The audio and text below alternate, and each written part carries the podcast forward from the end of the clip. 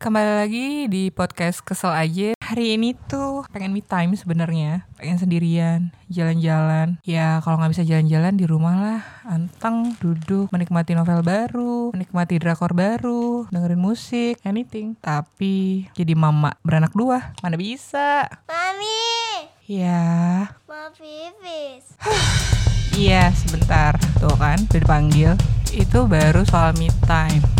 Belum kalau misalnya lagi sakit, mau demam, ada guntur, negara api menyerang, tetap aja, biarpun lagi menggigil, ah, dipanggil lagi, panggil lagi. Please deh, kapan sembuhnya?